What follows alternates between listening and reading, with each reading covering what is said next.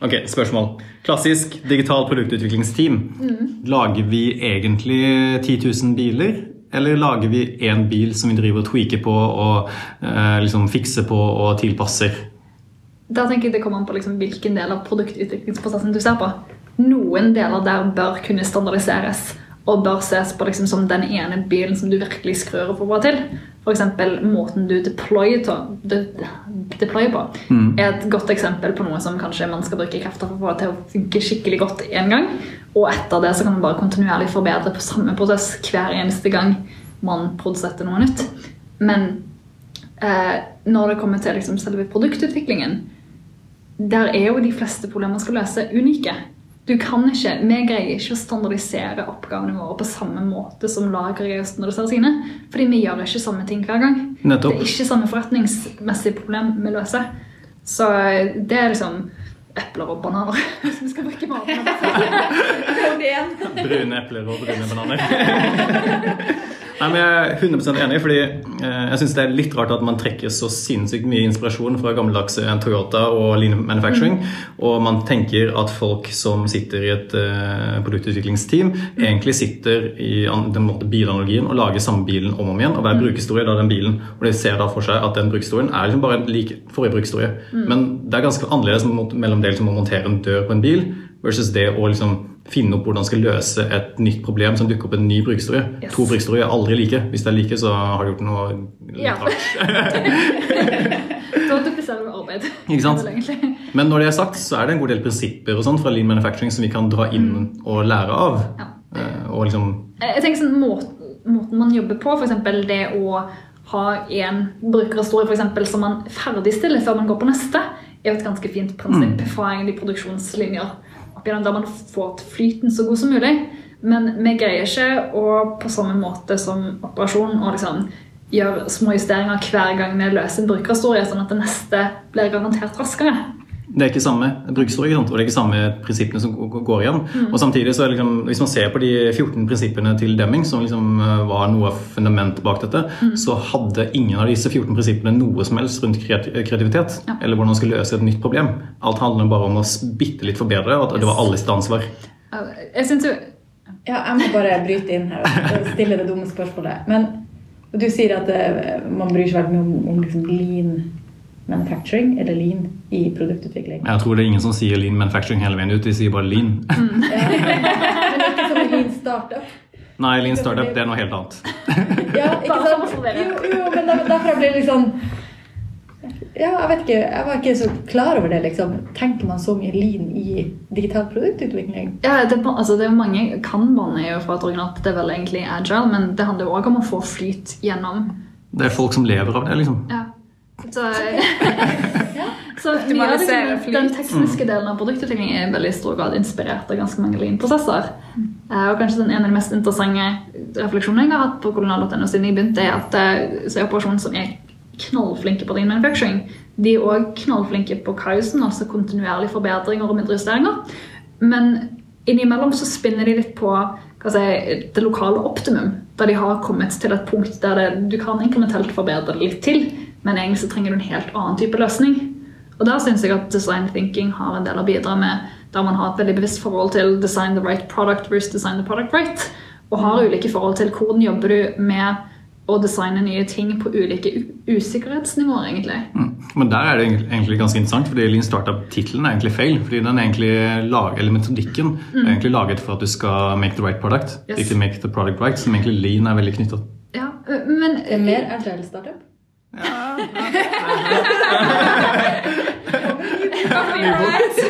Skrevet av Pia. men, men det går an å si at man har kanskje tatt noen prinsipper fra tradisjonell lean inn i lean startup, der en av de prinsippene man valgte å utelate, er kanskje den veldig harde standardiseringen. Eh, for det går ikke an på ulike typer forretningsideer. Men derimot måten å liksom, prøve å ta en idé og få den så fort som mulig gjennom liksom, ulike steg for å validere den, det er antageligvis litt mer lean on. Ja, og liksom tenke redusere waste. At uh, Yes. det er litt sånn kjapt og gærlig. Ikke Ja, og så er det jo mange hva si, ehm, mange andre ideer som tilhører både lean og agile, som går på det med kundesentrasitet og det du skal skape kundeverdi. Så husker jeg En av de første lean manufacturing-bøkene jeg leste om, Eh, Da trodde jeg først det var en tjenestedesignbok halve veien ut. fordi det handler om hvordan kan man hele tiden ha fokus på sluttkunden og skape verdi for det på tvers av mange ulike ledd i en verdikjede. Så ja.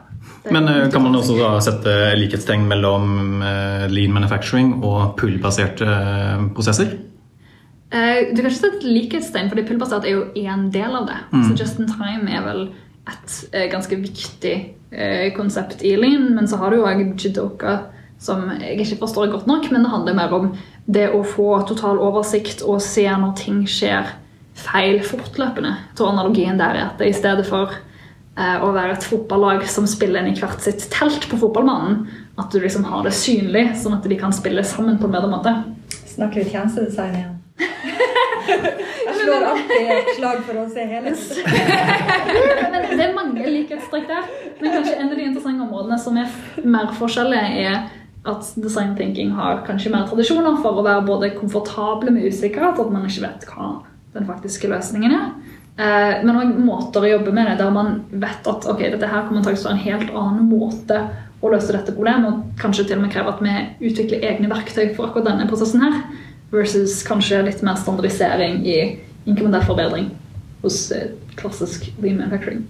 Det er også et annet perspektiv som jeg har lyst til å ta frem, som er øh, øh, Folk tar frem det hele tiden med at det er på en måte forskjellige modenhetsnivåer også på team. Da. Og for noen team eh, så er det kanskje nok å bare fokusere på liksom, eh, manufacturing-prosesser for å få liksom, mm. brukerstolen eh, gå fortest mulig gjennom, og ikke tenke så mye på hvorfor du lager den brukerstolen. Mens for andre litt mer eh, modne teams som kan domenet sitt litt bedre og har hakk eh, smartere folk, holdt på å si Men Da vil jeg argumentere mot at det handler, Jeg tror ikke det handler om modenhet eller smarthet, for så vidt, men kanskje egentlig hvilke usikkerhetsnivå du liker å jobbe med, og hva du egentlig får arbeidsglede av. Det er jo noen som virkelig liker å produsere ting og få det ut og få det gjort, og se at de kjapt får resultater. Eh, Så vi leker jo med tanken på liksom, skal vi prøve å ha en tydeligere prosess på å shape eller designe ideer eh, før de er sånn tilgjengelige for et byggeteam. Sånn at man har redusert veldig mye av usikkerheten, og at det, det byggeteamet får mer fokus og kontroll på liksom Dette her har nesten ingen rabbit holes. De fleste usikkerhetsmomentene og spørsmålstegn ved løsningen er løst. Og så bare løpe med det. Slår du et slag for forprosjektet nå? Faktisk. Men eh, jeg, jeg tenker dette her kommer jo om på hvem som jobber med det, og hva de trives med. Du har noen folk som vil følge hele veien ut, og så har du noen folk som antakeligvis er ganske komfortable med å få litt bedre gjennomtygde eh, designforslag, i stedet for liksom midt i finne ut at å ja, det er ikke skje. Men det her er interessant, for vi har snakka om det før. I, vi har snakka om fleksibel ressursallokering tidligere, og vi har også snakka om det her med, med unicorns og at det, det Ja, men altså, for det første, det finnes ikke den personen som er like god på alt, og som kan løse alle problemer i et team. Eh, og det er ikke nødvendigvis de samme folka man trenger gjennom hele utviklingsløpet fra start til slutt. Mm.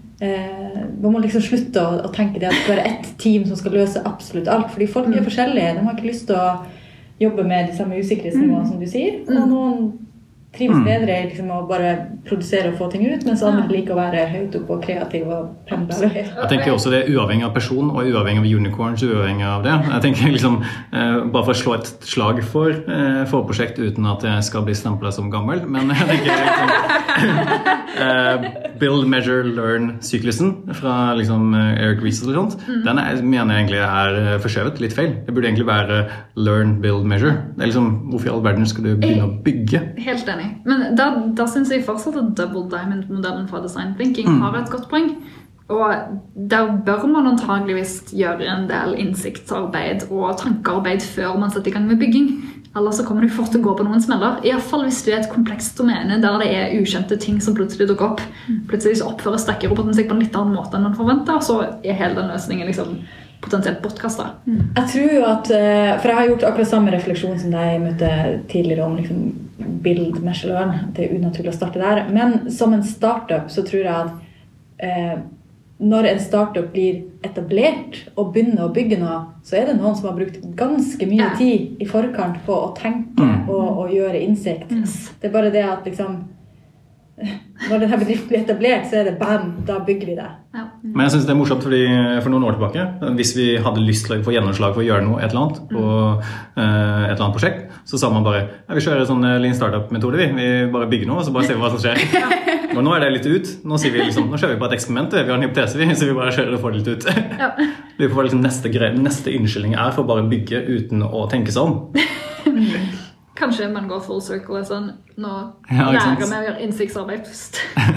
um, Men det er jo noe med- det har, tenker det har en verdi at man ikke skal utsette byggefasen for lenge heller. Mm. for det er jo gjerne der spesielt designyrket kanskje har vært litt sånn venta for lenge. og Man har jo lyst på alltid mer og mer innsikt. Og man kan i veldig mange tilfeller begynne å bygge tidligere enn det man tror.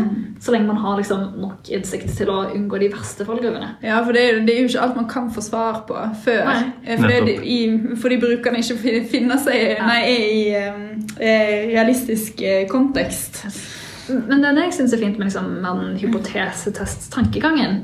Fordi det tydeliggjør at det trenger ikke å være noe som bygges for å teste de hypotesene. Hvis det handler om har dette kundeverdi, så finnes det mange andre måter å få litt input på det på enn å bare starte å bygge. Um, Ikke sant? Så mye av liksom, argumentasjonen for, for å liksom, slå et motslag mot forprosjektet igjen, da, er liksom at man har gått mer over fra eh, holdningsbasert innsikt til atferdsbasert innsikt, som er veldig bra. da. Og da trenger vi bare havne, havne på et eller annet middelpunkt. det handler kanskje om hva er det du bør vite før du bygger det. Mm. og når du bygger det, kan du faktisk få svar på det du har lyst til. Og så er det jo litt sånn, jeg tenker det kommer an på konteksten også, fordi at eh, ofte så kan man vite en del ting og ha en del innsikt uten at, at man har vært gjennom en sånn strukturert innsiktsfase. Sånn at den ideen man har om at hvis jeg bygger det her, så, eller det her bygger jeg mm. jeg tror folk vil ha, så, så er det jo fordi du har en eller annen innsikt med deg Ikke sant? ofte. Ingenting dukker opp i vakuum. Har du noe ris eller ros, eller har lyst til å være med på en episode? Send oss en mail til drypp at beck.no.